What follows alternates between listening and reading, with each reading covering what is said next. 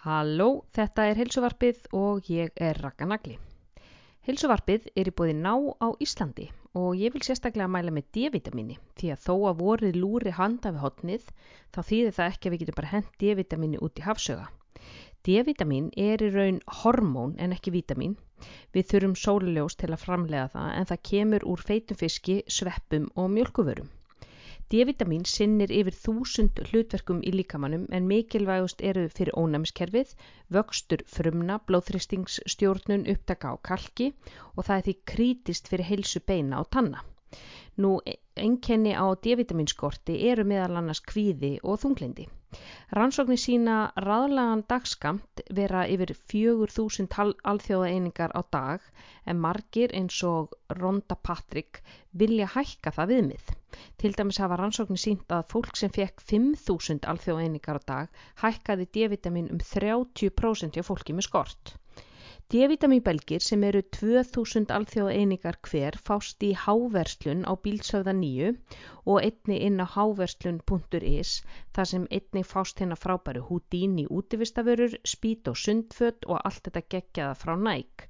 Nú sem á allar návörur, allar vörur frá muna og ég mæli sérstaklega með ferð á hábar þar sem þið getum fengið alveg gorgeous havragröðskálar. Nú návörðnar eru líka í miklu úrvali í Netto en Netto er einmitt annar styrtar aðili heilsuvarpsins og mæli ég með að hlaða niður samkaupa appinu í síman en þar færðu reglulega afslátt af allskynnsvörum og getur sapnað innegn sem nýtist svo sem greiðsla á kassanum. Í þessum þætti af heilsuvarpinu er ég að tala við Hlinn Kristinn Rúnarsson sem er stopnandi samtakana Það er von en þau samtök hafa það markmið að vinna gegn fordómum, skömm og vekja von hjá aðstandendum og þeim sem glýma við fíknisjúkdóma. Það er von stendur fyrir því að gefa fólki með fíkn annað tækifæri í lífinu. Nú hlinur Kristinn Rúnarsson á sjálfur ótrúlega sögu af bata en hann hefur verið edru í næstum fjögur ár. Hann er nýútskrifaður með BS í lögfræði og er nú, leggur nú stund á mastersnám í lögfræði. Ég hvet alla til að gerast vonarliðar en það er hægt að gera það inn á síðunni þeirra, það er von og leggja samtökunum lið og hjálpa þannig með að gefa fólki með þýk nýja von. Þetta er frábær þáttur, uh, óbáslega skemmtilegt spjall við alveg stórkostlegan mann og hér er heilsuvartið, hér er svo vel.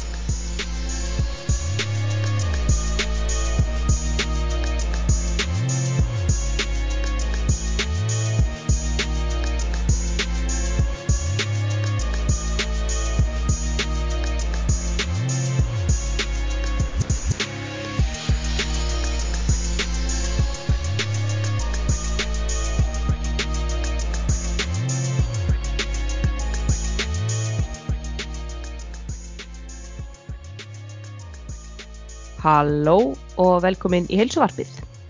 Ég er með góðan gest, Hlinur Kristinn Rúnarsson frá samtökunum Það er von. Verður velkomin. Takk fyrir. Gaman að fá þig. Já, takk fyrir að bjóða mér.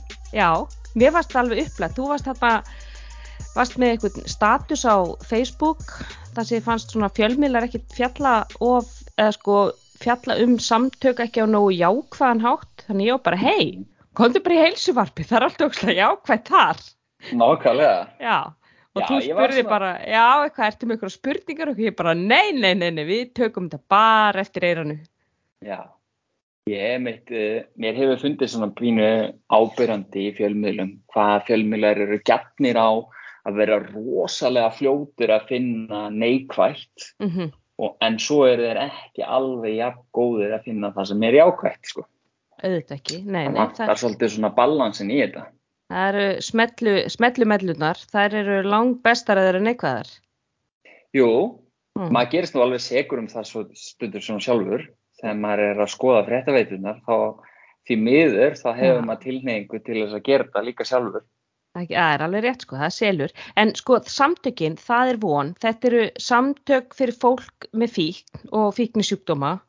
Mm Stopnaðir þú þessi samtök? Já, ég ásamt móðu minni og öðru fólki.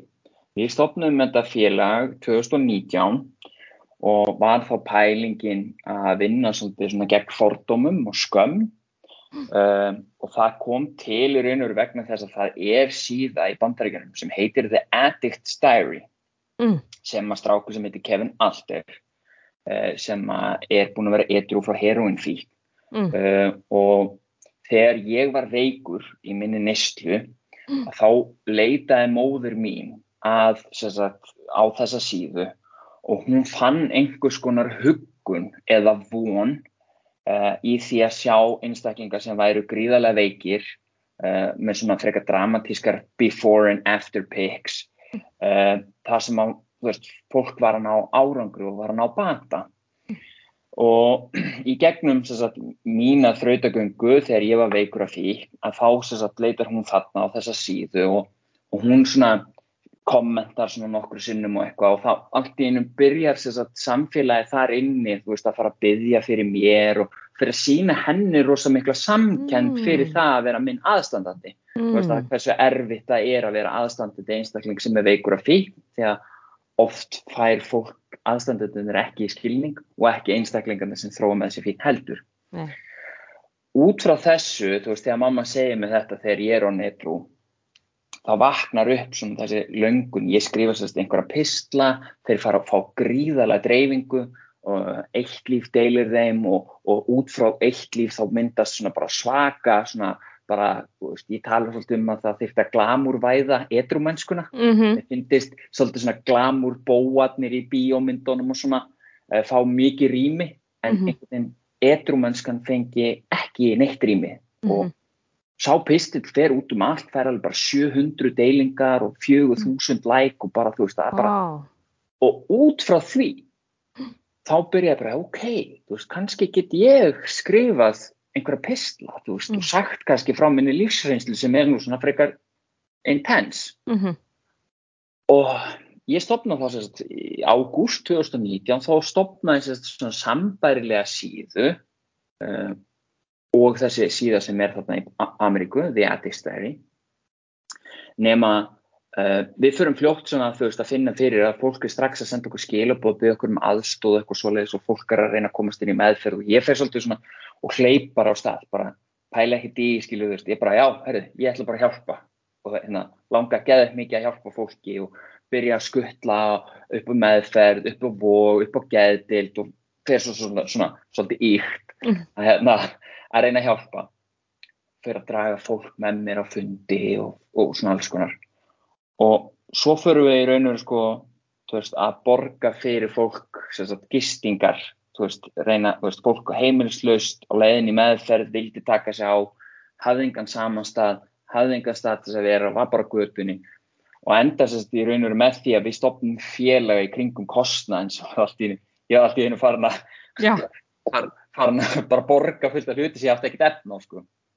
og þannig þú veist, kemur til stopnun góðgerafélagsins sagt, sem á stopna þarna einhverju tveim mánuðum og eftir síðunni sko. Já, já.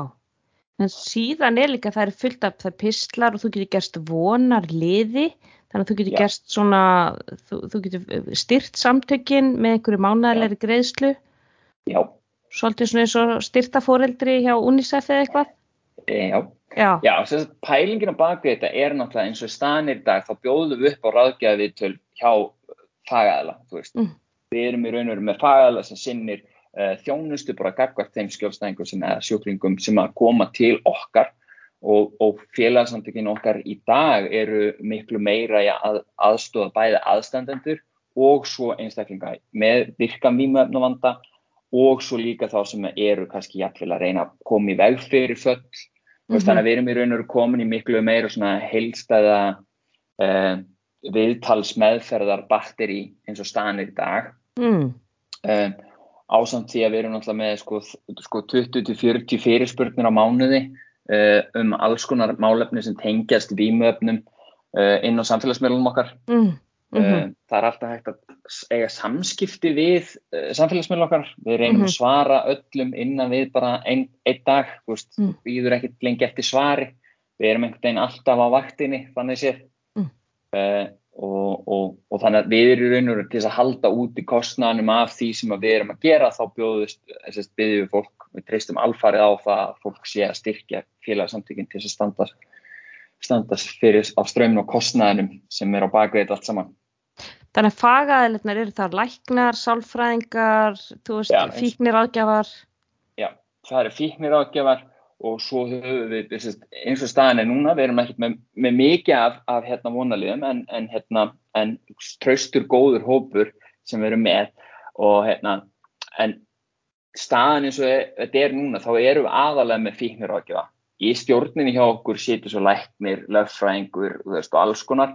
En, en við erum í raun og verum að bjóða mest upp á samtalsmeðferð hjá fíknir ágjafa og fjölskyldufræðing uh, sem hefur þá náttúrulega aðalega það, með, það markmið er alltaf að hjálpa fólki með mörkin í kringum fíkni sjúkdómana mm. þá sérst fyrir aðstendunar þá er það meðvirknin uh, og þau, þetta svona þeir erfileika sem að hrjá að setja mörk og svo framvegs og svo þegar það kemur að einstaklingur með výmöfnavandan þá er það að reyna að gefa þeim tól tæki til þess að takast á við lífi án þess að notast við výmöfni. Þannig að við, það er svona þjónustan sem við erum með í dag, hún takmarkast við þrjá tíma per einstakling mm. eh, vegna fjárskort. Já, eh, já. Eh, en, en að endurgjaldslaus þessi þrjú viðtöl sem við getum búið upp á eins og núna mm -hmm. og við höfum í raun og veru alltaf verið bara að sníða stakk eftir vexti sko. Mm -hmm. Þannig að sko bara sjáta á alla hlustendur heilsuarpsins, bara loður rétt inn á það er von.is og gerist vonar liðar, bara með þetta samme takk för. Já, þannig að við, við erum allavega að, við höfum allavega að sé árangurinn. Það er svona, ég er rosa árangustrifin sko, það dópa mín gæi, gæi sko, það er gauð sem að, veist, alveg bara ég lifi fyrir árangu sko. Og, og eins og núna í dag, þú veist, þá eru við með, þú veist, við má náttúrulega ekki segja frá einhverjum einum en, en ég get sagt að við erum með til dæmis fjögur svona rosalega falleg success stories þar sem við erum með uh, einstaklinga sem eru búin að ná edrumönsku í mm. yfir tvö ár wow. og eru búin að stopna fjölskyldu mm. og eru bara einhvern veginn á góðum stað og ég get sagt þér sko og ég verð svona tilfinningaríkur mm. yfir þessu að hérna það er líklega ekkert fallegra en að sjá fjölskyldu saminast eftir að fólk er búið að vera veikt af því mm. Að sjá foreldra endurheimta börnin sín og, og taka svo nýtt hlutverk að verða am og afi. Oh veist, God, þegar, veist, þegar veist, og það sem það fólk fattar ekki sko, þegar öll von var úti einhvern veginn skilur, fólk bara í raun og veru ekki eins og á þeim stað að halda þetta að vera hægt mm -hmm. hérst bara lífið hjá barninu sínu væri bara að fara að vera þessi þjáning, mm -hmm. skilur en með þeirri aðstóð sem við gáttum veitt, skilur ásamt auðvitað öðrum félagsamtökum, veist, við, við náttúrulega erum ekki afeitrun eða, eða, eða innilegjandi meðferð, en, mm. en við höfum getað stutt fólkið í vegferðinni. Mm. og það, það jafnast ekkert á við að sjá fólk, veist, að sjá þennan bata, svo maður, fylgist maður bara með og fjallag, svo, svo hættir það að þurfa þjónustuna. Það þarf það bara í einhvern afmarkaðan tíma og svo tekur það einhvern veginn getan, þroskin, hæfnin til að takast á við lífið mm -hmm. hún eikst með tímanum mm -hmm. og það hættir að þurfa svona mikið aðhald mm. og þá fær maður einhvern veginn bara svona fylgjast með veist, hvernig bara, veist, fólk fer bara áfram inn í lífsitt og bara á fallegt líf hafið þá upplifað það, kannski fólk sem einmitt byrjaði hjá ykkur var kannski einmitt komið, þú veist, djúft sokkið í nýstlu og fær, fær þú veist, aðstóð hjá ykkur, hjá fíknir ágjafa, er síðan komið á beinubröðinu eins og sé búið að stopna fjölskyldu, en kannski heldur alltaf tengslum við ykkur, jafnvel einu, tveim áru setna, þú veist, er það upplifað það? Já. Ó, en fallegt.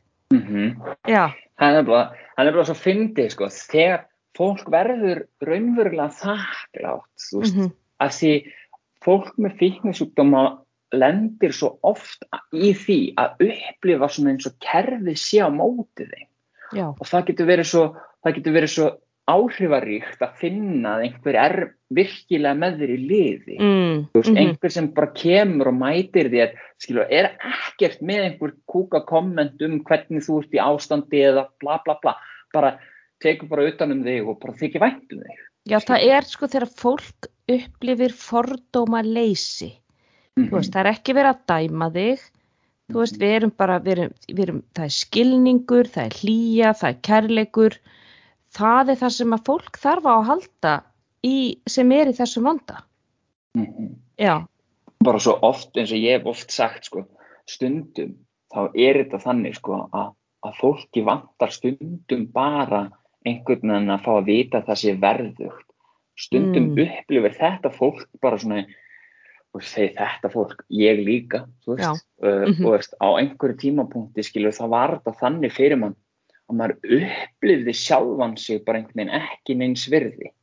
Og það ja, er oft svolítið, oft það sem að, strögglar fólk við að því líður hafnaða samfélaginu því líður hafna sjálfu sér og er kannski aktivlí að hafna sjálfu sér. Mm -hmm. og, og það er einhvern veginn svona þú veist það að upplifa og við sjáum þetta með þessi mörgum aðeins um skafmingunar úrraðum þú veist að það myndast svona fallegt meðferðar samband milli aðelar sem eru fordómalösir og þeirra sem verða fyrir fordóman einfallega bara út af því.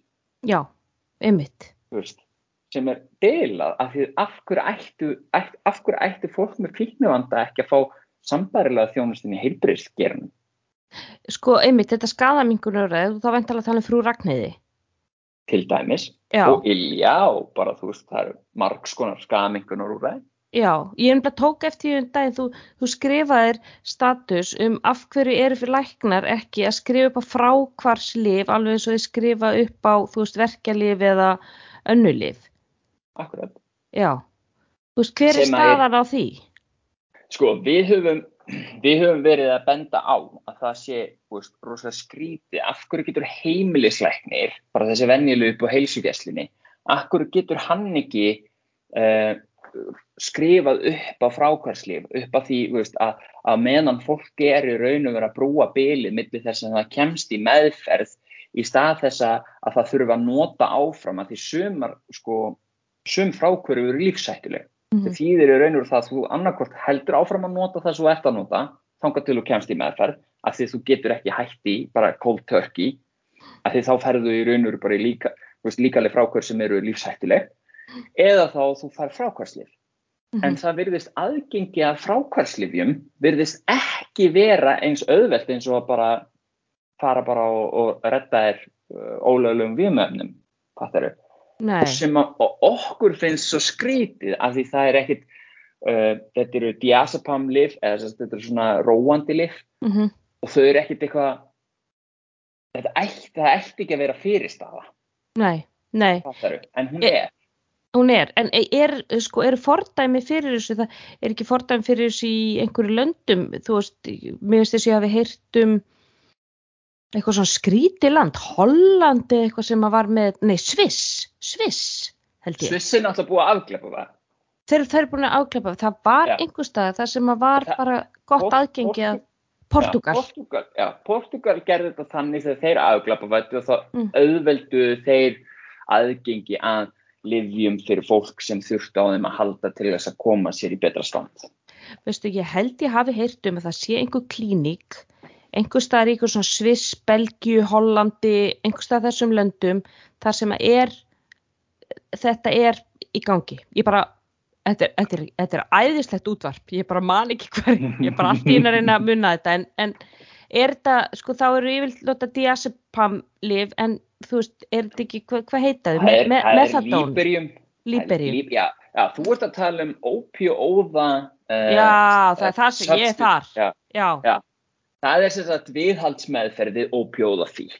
Mm. Uh, það er aðeins öðruvísi vegna mm. þess að það er raunuru er efni sem að beinst sterkar heldur en morfinskild lif við ákveðna receptora mm -hmm. sem gerir það verkum að þegar þú notar það að þá yfirtekur það receptorana sem að morfinið fer í. -hmm. Þannig að þú í raunuru ert í raunuru upplifur ekki samskonar fíkni enginni en neikvæða áhrifun að því lifi eru ekki slæm compared to morfín og þau efni. Já. en hefur sterkari bindi eiginleika bara svona og naloxon úðinn gerir það sama. Hann yfirtekur og hrendir morfínu frá receptorunum þegar þú overdosa ópjóðum já, Já, naloxón, ég hef heyrt talað um það sko þegar ég horf á Chicago Med. Já, akkurat. Já. En, en sko þín saga, þú ert búin að vera edru núna í næstu því fjögur ár. Já, Já, sko þín saga, þín fíknisaga. Já. Þú veist, viltu deilenni, við, þú veist, já. Mín saga er mjög óhefbundin. Eh, Mm. Ég byrja mjög seint. Eh, Ég byrja út frá anabólískum sterun ó, eh, sem liftingagaur, mm, eh, vakstarækta keppandi já, og ég byrja sem sagt út frá því uh, og ég sem sagt í raun og veru fyrir eitt mótið tek þá afdrefaríku ákvörðun vegna þess að var ekki til efedrín til þess að brenna. Mm, þá ákvað ég sem sagt að skipta þið út fyrir amfetamin af því þau eru skild efni. Já, já, já, þau eru, þau eru sískinni. jú, jú. Mm, og út frá því upplifi ég í raun og veru svolítið svona anabólísku styrarnir gáðu mér kallmennskuna sem að mér langaði alltaf til þess að verða. Mm, Eh, ég er svona mjúkustrákur og, og svona kannski ekki svona eins og þessi gömlu toxic masculinity traits. Mm, eh, ég er ekki mikið að skrúi sundur bíla eða veist, eh, svona eins og ég held svona eins og Rambo og allir þessi dútar sko. Mm, Arnold Schwarzenegger og þeir. Já, já, eh, þannig að ég var svona mjúkugaur og þegar ég prófa anabólíska stera þá upplifi ég svona ákveðin svona þessa ákveðni uh, alfa feeling skilur verð svona dick í raun og svona, verð svona, svona Mhm. leiðilur í raun Mm. og hérna svo þegar ég prófa amfetamin þá í raun og upplifi ég bara rosa mikla orku og get bara lært og lesið meira en ég gat venjulega og ég upplifið eins og efnin gerðu mig betri. Eh, Það var svona upphaflega, ég drekk áfengi fyrst þegar ég er 21. er það? Já. Já, Og, já, þú ert svona leit hérna- blúmer. já, ég, Ah. En hvað varstu gamall þegar þú, hvað varstu gamall þegar þú varst sko að keppa í vakstarættinni og, og þú veist, ert að taka stera og byrja svo, þú veist, taka amfetamin. 19, milli 19 og 24. Já, Fyrir Mhm. tíu árum síðan þá var ég að keppa um, mitt síðasta mót. eitthvað stað 2013. Já, Já. 2013-14 cirka. Mm -hmm, mm -hmm. Að þá sem sagt, eh, en þá sagt, þetta var sem sagt fyrir tíu árum síðan, þá prófaði ég fíknefni í fyrsta skipti. mm, Og það var eiginlega bara, þú veist, það var mjög fljótt að gerast. Ég lendi bílslýsi sem gerir það verkum, ég get ekki keft í bakstarætt, get ekki lift. Mm. Það hefur mér aldrei verið eitthvað, aldrei verið eitthvað svona, hvað maður að segja, mm, áhrif á mína sjálfsmynd. já. Hengdi mína sjálfsmynd mjög mikið á það að ég væri massaða stór og sterkur Ó, ég er að tengja svo mikið. og, og, Við erum alltaf með vöðvafíkn, sko. Já, Ég já, ég- já. og ég fæ body dysmorphia Mm, mm sem er náttúrulega DSM-5 Já, já. og, og hérna og fyrir fólk sem veit ekki hvað það þýðir þá þýðir Það það, greining- hefur raun og- Já, Greiningakerfi geðraskana. akkurat Mhm. og ég fæ það bara rosa mikið bara alltaf lítill Mm ég fór alveg upp í 120 og eitthvað kíló en ég var Mhm. samt lítill Já. og með mjög mikla minnum átt að kend og fæ rosalega mikið komplexum með anabólisku sterunum Mm. svo lendi ég þessi bílslýsi og þá í raun og veru sko þá var ég búin að vera að fykta ég og búin að vera að lifa óheðarlega uh, og svo framvegis þannig að þegar ég miss, missi getuna til þess að vera þessi gaur í gymminu Mm að þá hérna var svolítið svona eins og heimurinn minn fjalli saman Já. og, og þá byrja ég í raun og veru bara að nota vímöfni Mm. og lendi náttúrulega í átökum við fjölskyldu og lendi bara í átökum við allt og all. Í hva, hvaða vímuefni fórst að, nota? Ég byrja bara í amfetaminu og svo fer Mm. ég yfir í, í hérna, svona partyefni Mm. mm. eins og epilur Mm. og fer svo í kókain og þar finn ég í raun og veru sjálfströsti mitt. Já. Þá fer, ferðu svona þessa, þessa megalomaníu, svona þessa grandiós, já. Einmitt. Blokksins var ég ekki lengur lítill. Einmitt, það er náttúrulega sko svo, svo magna og merkilegt en, en sko þetta er svo gömul sá ný með vakstarækta fólk að það verður ident, eða svona sjálfsmyndin er all bundin í þig sem vakstarættamann. Þú, þú verður ekki sko sonur eða bróðir eða þú veist frændi eða neitt. Ég er bara hlínur sem liftir, þú veist. Mhm. Já, Já, og ef ég get það ekki, hver er ég þá?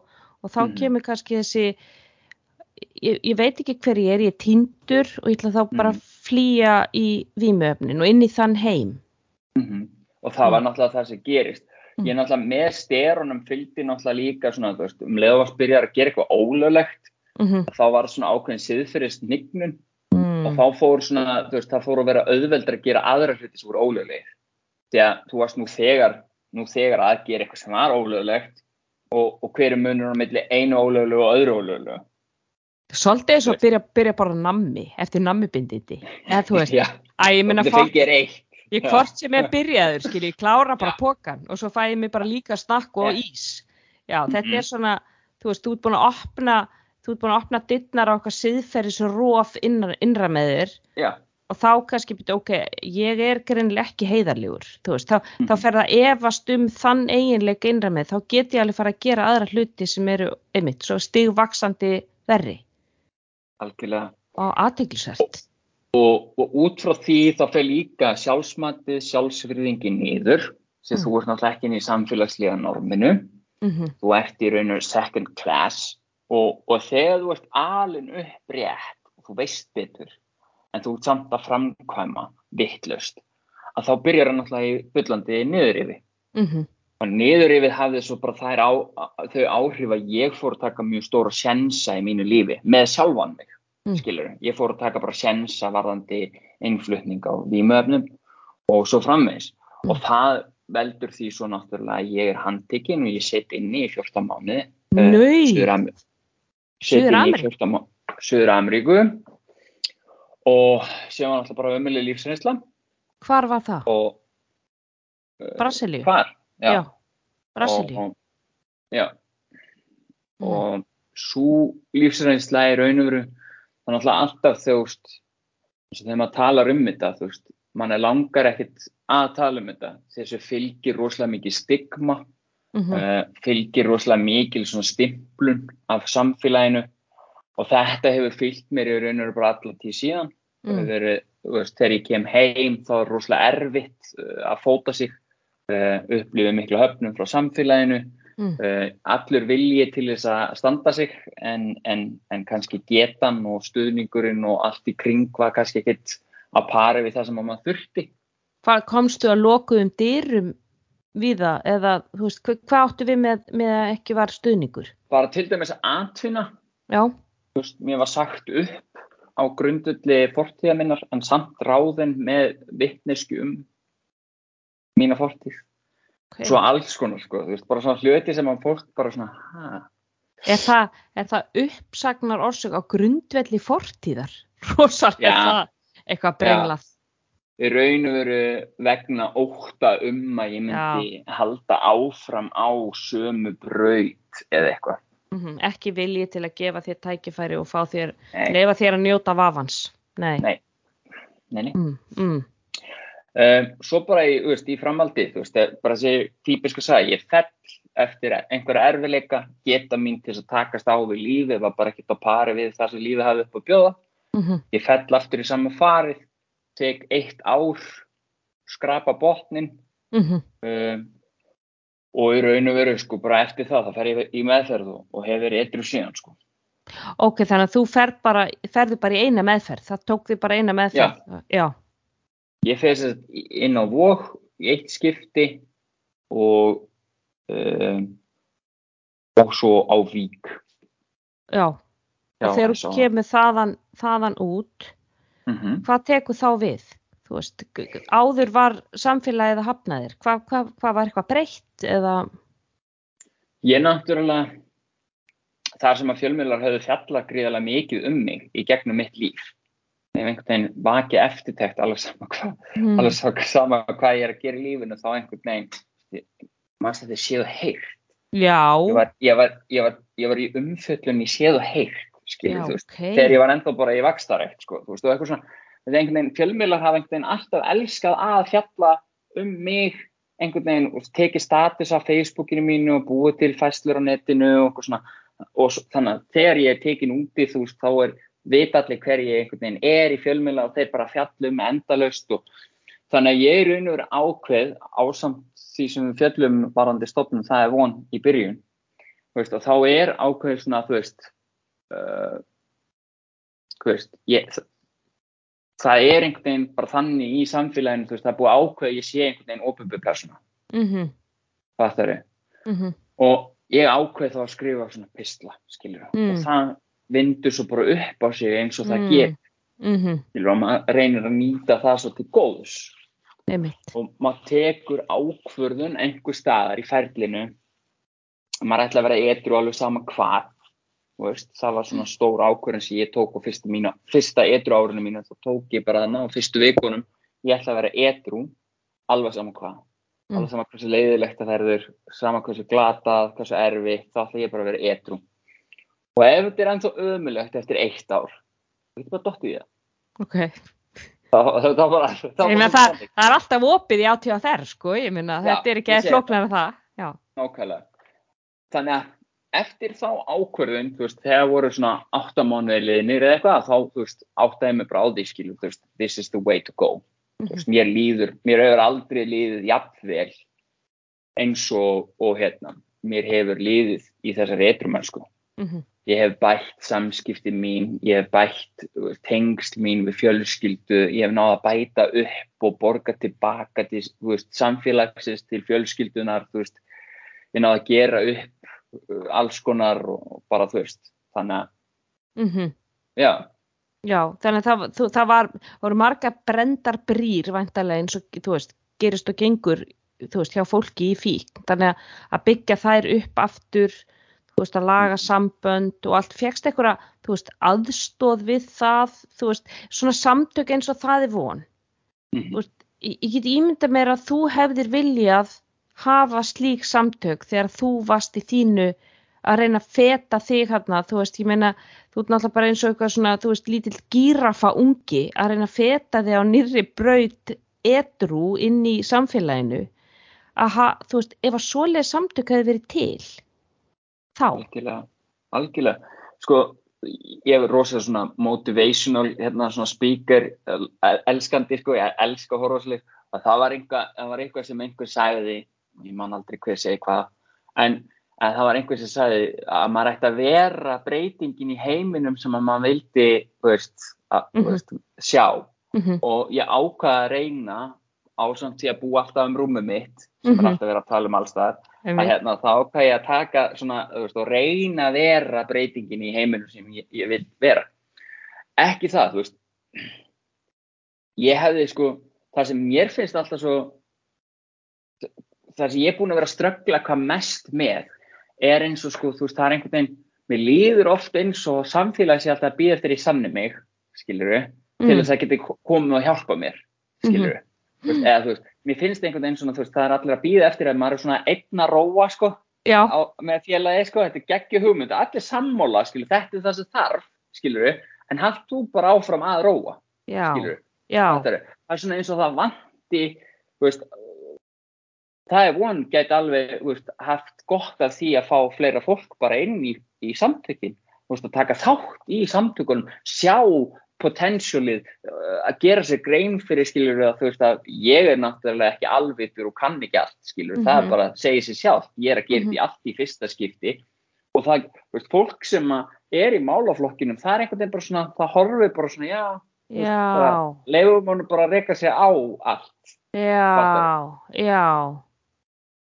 Það er svo- hvað ég að fara? Já, það er svona svolítið verið einhvern veginn að sitja svona hliðalínni, bara textunum þetta, þetta er svona, svo verið að horfa bara svona eitthvað, þú veist, eitthvað svona hlaupara, æ, þú veist, ég byrði eftir í hug hérna, gaurið sem fór að keft í sundi olimpíuleikunum, þú veist, frá eitthvað Burkina Faso eða eitthvað og hann kunni ekkert að synda. Og ég meina hann var held í hálftíma eða eitthvað með 500 metra eða þú veist, þetta var eitthvað svona bara, þú veist, að sko, þú veist, það er allir á hliðalínni bara, já, klappa einhvern veginn í svona einhverju hálfgeri pitti sko og þú veist textunum þetta og við ætlum að fagna honum ef hann getur þetta þú veist og e, það er kannski svolítið mitt e, þetta það vantar kannski stuðningin einmitt frá fólki sem er að vinna í þessu máluflokki, bara heyrðu þetta er frábært sér að gera og við erum bara tilbúin að koma og vera með. Já, það er svolítið svona og við höfum, Já. þú veist, ég meina eins og það er búin hefur sapnað fyrir uh, född fyrir fólk sem að býr á gistiskílinu og inn, sem, við höfum farið með född upp í frú Ragnhiði, skilur við erum ekkit bundin við það að það þurfi allt bara að vera okkar, skilur, Mhm. við, við lítum svolítið á þetta, þess, við hljótum að vilja vinna öll saman, við höfum selt álfin fyrir S.A.A. veist, við erum Mm. fattar veist, við erum ekkert eitthvað bara, já, við erum ein og við eigum að fá bara allt fyrir okkur af því við erum Nei. best, skilur, heldur miklu meira, þú veist, heyrðu, vá, fyrir að gera hérna frábæra hluti, skilur, vá, hvað geggja að sjá þetta og við höfum fjallað um eitthvað sem samhjálpur að gera, við höfum fjallað um, fattar þú veist, Já, við erum miklu meira í þessu konsepti, skilur, þú veist, að við viljum einhvern veginn að þetta er einhvern veginn málaflokkurinn okkar, mm ekki bara félagsamtökin okkar skilja, þetta er málaflokkurinn þú veist, við sem heild ná miklu meira árangri heldur en, en þetta er alltaf bara spurningum peningana, það er allir að berjast um að vera með peningin, þannig að það er Mhm. allir einhvern veginn svona bara að passa að, að, að vera svolítið svona passa horni. Já, svo Já, að allir í sínu. Já. Undir hvað, þú veist, er það heilbreyðisránundið, er þetta félagsmálar á þeirra, þú veist, undir hvað flokk heyri þessi málflokkur? Undir hvað ráðuniti? já, sko, þegar þú spyr þau þá er þetta uh, bara einhvers annar en þau Já, það er alltaf, já, en Einmitt. sko, bendi hver á annan. fíkn er skilgreindur sjúkdómur Mm. Þú veist, við skulum bara byrja þar samkvæmt sko öllum þessum greiningadóti Mm. að þá er þetta sjúkdómur sem að myndi þá gefa til kynna að, að, veist, að hann hefur að fyllir upp kriteríuna til þess að vera kallað það þá myndum maður segja að það veri heilbriðs vandi Mm. en aftur á móti til þess að ná bata af þessum sjúkdómi að þá eru rosalega oft félagslegi hluti sem að spila inn í Mhm. þannig að ég myndi segja sko fyrst og fremst til þess að geta veist, það þarf að vera samspil þessar að tveggja uh, sviða Mhm. og, og eins og til dæmis eins og í Noregi þá eru þau með heila starfstjætt sem heitir vaneplæjar uh, Mm. það er félagsráðgjöf og hjúgrunafræði saman Já, það er og það er til dæmis eitt af því sem okkur langar að fara að pressa á uh, til ráðunitina hérna heima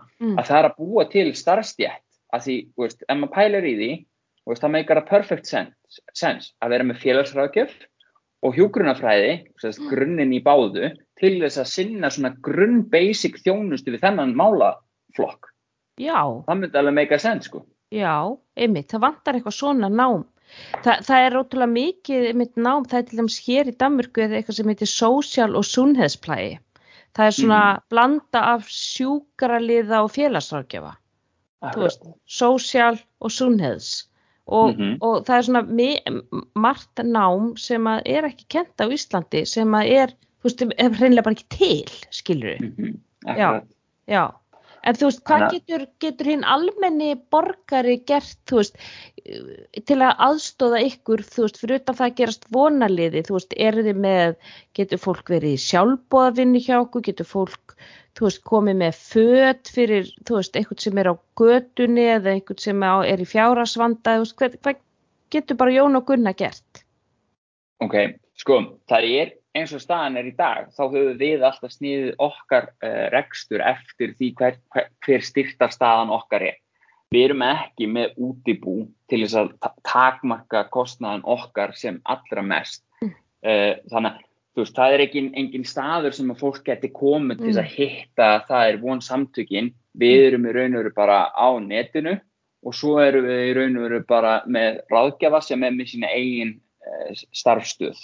Mm. hún er með starfstöðuna og hún sér um, um þjónustuna Mm uh, en, en eins og maður kannski svona er alltaf að reyna að benda fólki á það er að, að nálgast veist, af kærleik veist, samtalið, vera Mm. opinn fyrir samtalinu, Mm. taka þátt í samtalinu uh, vera virkur í aðtöðasendum það sem er ekki alltaf, alltaf vinsæl en, en, en í þessu samtali þá er svo mikilvægt að, að því það er rosalega mikið ábyrðaleysi í gangi í málaflokkinum.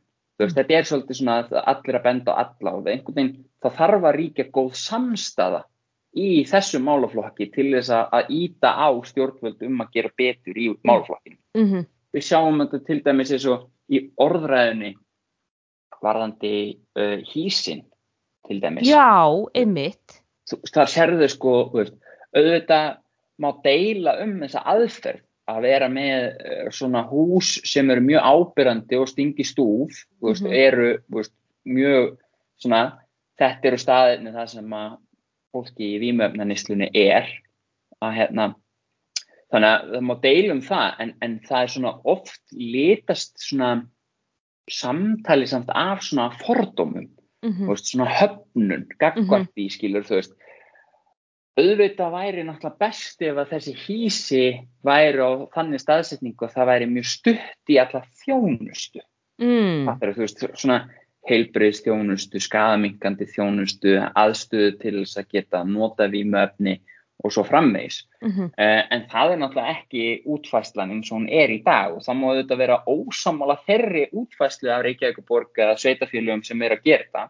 Mm -hmm. en, en þarna til dæmis mætti fólk til dæmis passa sig, skilur ég, veist, að því það verður svo göttna að fara í það að segja, já, þetta er nú bara djúist dópustar eða díklar og, veist, og bara þeir eru vesen þeir mm -hmm. ræna hjólónum mínum og mm -hmm. hérna, mm -hmm. eru vittlýsingar og, og eitthvað en ef, ef umræðan færi aðeins út í það veist, já, frábært að þau séu þarna en ég vill að þau tryggi þá að þau fái lámast þjónustunum sem þau þurfa til þess að, að geta liðið vel inn í, inn í, inn í samfélagin okkar án þess að þau séu að, að finna sér knúin til þess að brjóta af sér. Já, en það er líka þetta er líka bara svo ljó, ljót orðræða vegna þess að hver einasti sko, þú veist fíkil er hann er, hann er sonur og bróðir einhvers ja. og hann er, hann er mannvera af hold og blóði með tilfinningar og, og þú veist, einhverja gríðarlega erfiða lífsreynslu í lang flestum tilfellum á bakinu og, og þú veist, og kannski eitthvað sem að einmitt eins og hjá þér, bílslis veist, það er yfirleitt einhver saga um áföll í, í nánast öllum tilfellum og eða sko einhverju sko ömulegri æsku, þú veist ég mann eftir, eftir, eftir einu einni sögu sem var inn á það í von Facebook síðunni um litla drengin sem að mammans drakk og hann kom heim og, og hann sá, þú veist mammans var í sófanum, hann sagði sko ég fekk oft kvíðan út í maður þegar mamma kom heim með brevpokan úr ríkinu og svo var, voru vinnir að skjánum og þá voru hún einu svona döið í sófanum sko allsber og þá fór allir að gera grína á hann í skólanum og svo fór hann að pissa undir. Og veistu þessi saga, ég bara, hún satt svo í mér og ég bara, ég eila næstu í feldi tár sko, veist, mm. og þá var þessi maður að rifja upp sína esku að, þú veist, að hafa ekki þetta, jú, þetta fólk var einu svona lítil börn og þetta fólk er líka bara með sáli eins og við hinn, að sko leifa sér að, að tala svona í aðtöðasemdum finnst mér bara sko fordómatnir og forréttinda blindan og allt saman bara sapnast saman í eitt Þannig, þannig þegar ég tek saman veist, eins og verkefni það er búin það sem við höfum verið að stunda mm. það er að, er að vinna á fordómum og skömm Já. það er svona okkar helsta prójekt sem við teljum að sé veist, munum bæta hag fólks með fíknuvanda á svo viðtæku sviði Eh, þannig að þegar fólk veist, er að spurja sig hvað get ég gert ef ég er ekki með pening til þess að styrkja samtökinu og ég vil samt sem áður veist, leggja, veist, láta gott að mig leiða inn í máluflokkin að það er að hugsa fallega til þessar mm. einstaklinga mm -hmm. það er að nálgast þetta af umbröðlindi og náungakerleika gagvart þessu mm -hmm. fólki þetta er fólk fyrst og fremst og það er miklu meira sameinlegt með okkur -hmm. heldur en ekki það, það að að hérna, geta ekki stjórnaði hversu mikið eða lítið að vímuefnum þú notar. Er talsett lítið hluti þótt að það sé að það hafi miklar afleggingar en þá er það til dæmis það segir rosalega lítið til um karakterið þinn. Algjörlega.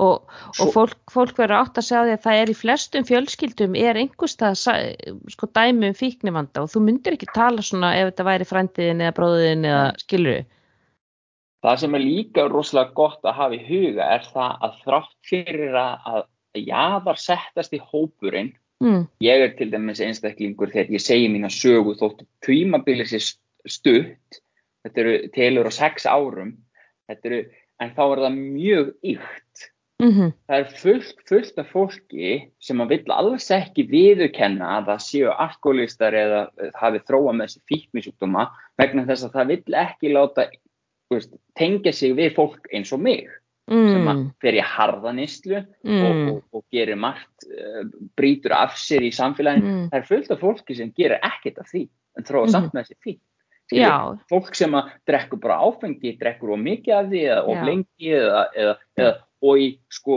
20, 30, 40 ár skiluru en það myndi aldrei vilja viðurkenna af því það hefur fordóma gagvart mér já, og það hefur líka Fattarðu? fordóma og það samsama sig ekki, sko, þú ert kannski drekkur daglega, þú veist, ert, ert ölvaður, en þú ert heima í höllinniðinni og þú ert kannski þessi kallur svona fungerandi alkoholisti, en, en munurinn á þér og þeim sem drekkur úr brefpoka á, á einhverjum sko nýra hlemmi er ekkit svo rosalega mikill, en auðvitað vilt ekki, þú vilt ekki vera í sama hópi og það fólk, það fólk, já, já, einmitt. Einmitt, en Já. þarna, þarna kemur svolítið svona inn eins og maður segir sko, veist, þetta, með, þetta með fordóma, hvað eru fordóma það er þegar við fyrirfram ákveðum Mm. einhverju stereotypu fyrir eitthvað hugtak veist, þetta er bara svona eins og að segja veist, hérna bara, allir sem eru tveir metrar eru góður að hoppa einmitt, bara, það er bara sturgluð Já.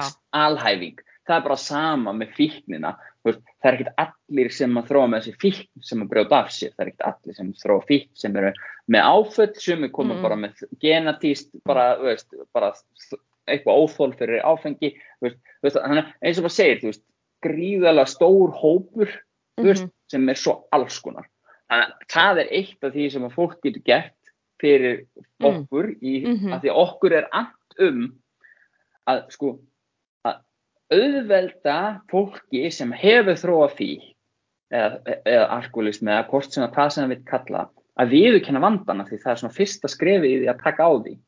Og til þess þá þarf einhvern veginn að eigða út þessum fordómum. Mhm, og við þurfum, að, við þurfum að vera meðvituð um þú veist að þú getur bara verið ógslag flott manneskja staðið vel í, öllu sviði lífsins en þú ert kannski að nota of mikið af áfengi mhm, var með kannski alkoholista því að þú nærði ekki að hætta því án þess að fá hjálp. Mhm, mhm, það er ekkert að því. Nei, og, og kannski eins og segir, sko, eins og þú lendir í, að þú veist, þér er allt í hennu sagt upp á grunni fortíðarðinnar að eigða þeim fordómum líka, að sko leifa fólki að sanna sig áður en að, þú veist, þannig er náttúrulega bara algjörlega fyrirfram, fyrirfram dæmdur. Þú veist, þú varst ekki að gera neitt af þér í vinnu, skilur Það var Nei. bara hræðslan við að þú myndir kannski hugsanlega mögulega gera það. Já.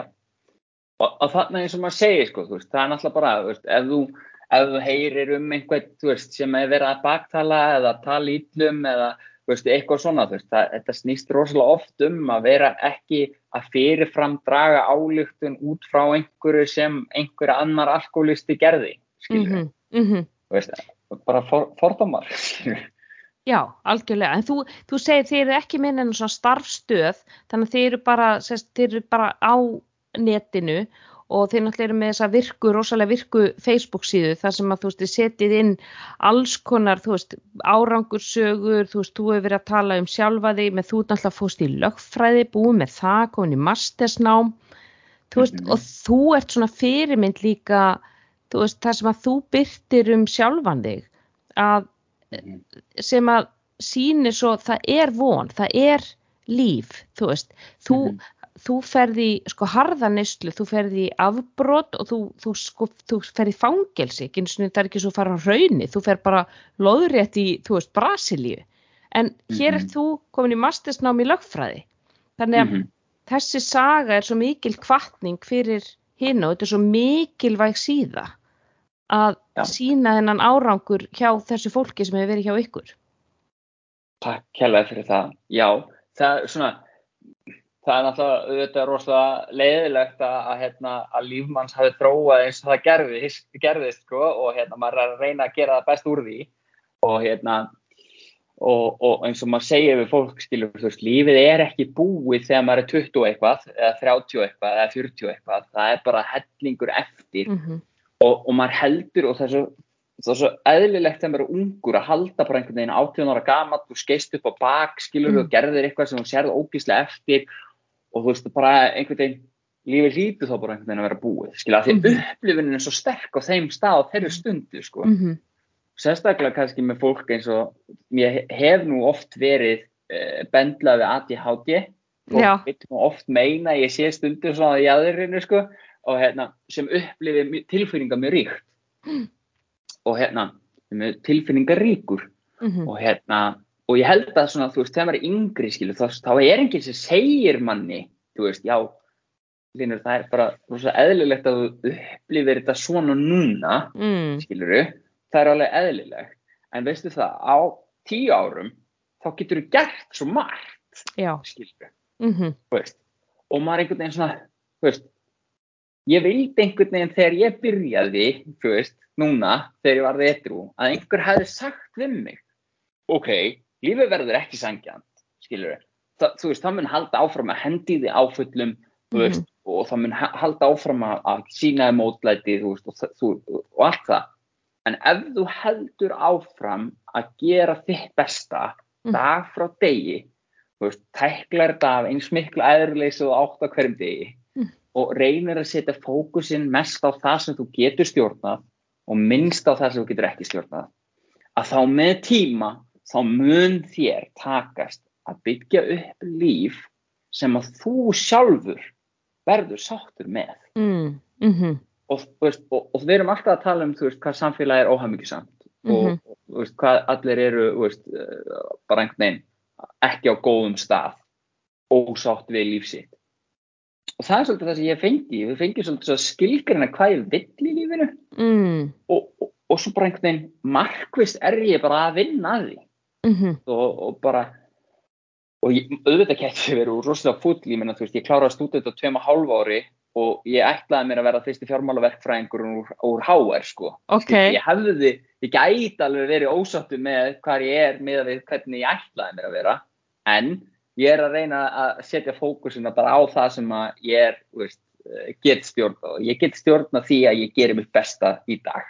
Mhm, og það er það sem að það er vonir alltaf að reyna að segja fólki veist, ef þú, þú snýrir við blaðinu gerir þitt besta skilur þá, þá, þá verður það ekki auðvelt heldur það verður þess virði já, það verður þess virði, nákvæmlega.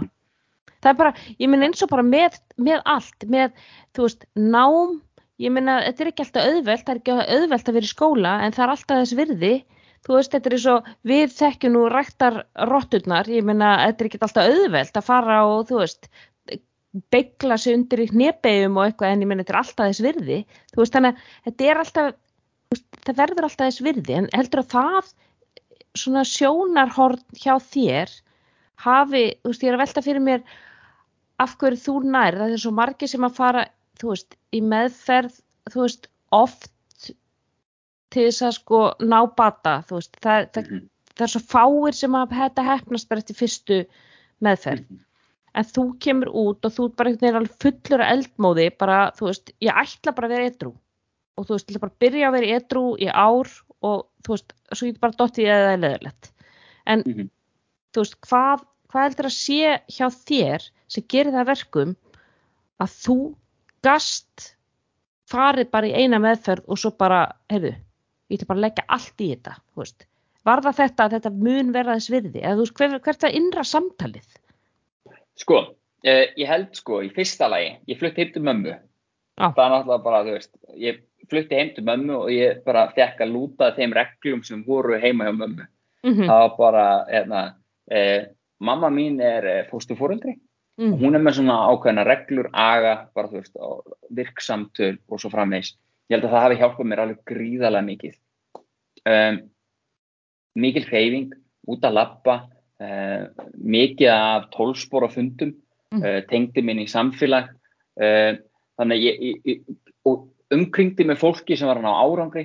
Ég fekk Mm. mér fíkniráðgjafa strax, ég fór líka í áfallameðferð, EMDR, uh, ég fór, ég var bara til í að gera hvað sem er, ég fekk bara svona ástríðu, svona, fekk svona kannski svona hálgjörlega obsession Já. yfir því að ætla að, að ná árangri Mhm. og ég skildi ná árangri og ég held að það hafi náttúrulega auðvitað eitthvað með persónuleika minn að gera Mm. veist, ég er þannig típa og fyrir áður en ég, veist, það, það bjóst enginn við því að ég myndi þróa með mig fík Mhm. ég var ekki kandidatinn í það svo Mm. ger ég það og, og hérna, en þannig ég held ég byrja líka seint ég held Mm. að það skipti máli Mm. Eh, ég held að það auðveldi ferli, bataferli, þú veist, ég, Mm. ég er búin að þróa minn heila Mm. lengra heldur en kannski einstaklingur sem er uh, 12-13 ára sem byrjar að no- misnota vímefni. Ég held Mhm. að auðvitað séu fullt af faktorun sem spila inn í uh, þroskaferli heilans á þessum árum sem að Mhm. getur, veist, að-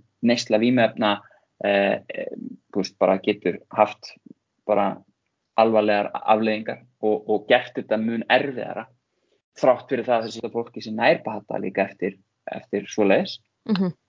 Þannig ég held að þetta sé bara svona samspil margar þáttar. Stóra markmið það er von, svo ég komið með það. Mhm. Okkur langar að opna áfangaheimili Mhm. með þessi, sagt, þessari pælingu, það eru þá væntalega starfstöðu líka í, í, í komplett pakkin. Það er áfangaheimili sem að myndi nálgast hlutina eins og uh, fósturheimili í raun. Uh, það, sem að, Já. það sem að fólk fer í meiri svona uppbyggingu og, og svona heildræn nálgun, bara hjálpa fólki að taka góðar ákvarðanir, það sem að eflur getu hefn og þroska til að takast á við uh, lífið ímefna löst. Já, þurfum við ekki bara að fara að skella í landsöfnin svo við getum bara komið þess að koppin sem fyrst. Ángríns, veistu það, bara, bara ég þarf alltaf að passa mér rosalega mikið í þessari umræði því ég er svo ósamála mörgu sem er gert í hérna, veist, í þessum mál, þarna í þessari deilt, sko, ég þarf alltaf að passa mér rosalega mikið, en það vantar klárlega úrræði. Og við höfum pitchað þess, þessa hugmynd við félagsmálaráðanitið, heilbreyðsráðanitið og það er allir sammála því að hvernig uppsetningin og hvernig pælingin er, hún er geðveikt flott, Já, en langt og undan samtímanum. Já, sem þýðir hvað? Já. Veist, Já, þetta er of gott til þess að fá fjármögnun. En ég meina, ertu ekki með fordæmi fyrir svona, ég meina, hvað með, þú veist, allt þetta retreats í bandaríkjunum sem að, Jú, þú veist, það er ríka fólki fer á. jú, Já, Jú, það er fullt. þannig ég Við vorum undan samtímanu hvað, er þetta ekki bara, erum við ekki bara eftir á Íslandi? Ég myndi bara segja það. Jú, þetta er undan samtímanum á Íslandi, það var það sem var sagt. Mm, Já. einmitt. En ég meina, Já. come on, sko, komum okkur bara aðeins út úr bara, þú veist, torfkóanum hérna og, og horfum bara á hvað aðrir eru að gera og lærum að því, ég meina, sko, það er alltaf til peningur, þú veist, það Já. er alltaf, það er allstar. Auðvitað, veist, að ég bara vera rosa einlægur. Það er náttúrulega rosalega auðvelt fyrir mig, alkoholistan, eh, að, að láta þetta snúast um mig og hérna telja það að þessi líklegt að við fáum ekki fjármögnun bara út af því að ég er ég, sko. Mm. að því að það, það segir sér náttúrulega sjálft að, að okkur er sagt náttúrulega í fjölmiðlum bara mjög reglulega skilja að fólk sem að eru alkoholistar séu bara algjörlega ófærir um að, um að bara sjáum bara sín mál og Mhm. hérna þannig að það er rosalega ég held að það séu þú veist eins og til dæmis það að ég hafi ekki verið búin með háskólagráðu þú veist og hafi ekki verið búin veist það hafi svolítið verið svona þú veist þú getur þá ekki treyst mér fyrir einhverju risastóru styrk Mm. Ég er bara eitthvað gæi sem er nýjórun etru sem er bara með einhverja síðu Mm. og eitthvað almanættafélag og eitthvað. Já, já, já, Þannig að við, við höfum ekkert fengið styrki en í dag þá erum við kannski á allt öðrum stað en við vorum fyrir tveim árum síðan. Sko. já, einmitt. Og þeir eru þarna á hlýðalínu að horfa á ykkur, róa og þú veist, og þeir eru bara báturinn alltaf bara að vera stærri og stærri og flottari og flottari. Þannig að hvenar ætla þeir að hoppa úti og koma og vera með? Nákvæmlega. Já, Það, og ég er bara einmitt. Sko. nú getur þú líka farið og flagga þessu flotta lögfræðskiptinni framan að í þá og bara, erðu, straka mínir. Þetta snýst svolítið kannski um líka þú veist, að sína fram á skilu. Þú veist, þú, það er ekkert easy að klára lögfræði Nei, háskólumnám. Það er ekki easy. Þú veist, þú Nei. þarft að a- vera agaður, þú þarft að sína ákveðna vinnusemi. Þú veist, þú þarft að gera alveg bara, lögfræðinám getur verið alveg mjög erfitt, sko.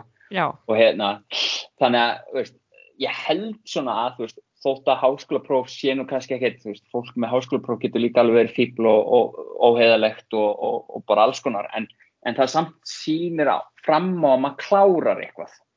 Já, þú veist, það, það bara, já, og það eru margir sem segja, sko, þeir segja, ég líti ekki endilega á hvaða háskólan á viðkomandi hafiði þeirri réðan, þú veist, mm bara hann hafiði verið í háskóla, segja mér að hann kann að vinna í hóp, þú veist, mm -hmm. hann, er mhm. með, hann er með ákveðna, þú veist, það, það er ákveðin dugnaður og elja og einmitt, hann, mm -hmm. hann mhm. fylgir eftir, hann klárar, hann er búin að læra gaggrina hugsun, skilju það, það er bara ótrúlega margt sem þú pikkar upp í ája háskólanámi sem að, þú veist, er ekkit endilega sko námið sjálft, skilju. Akkurat.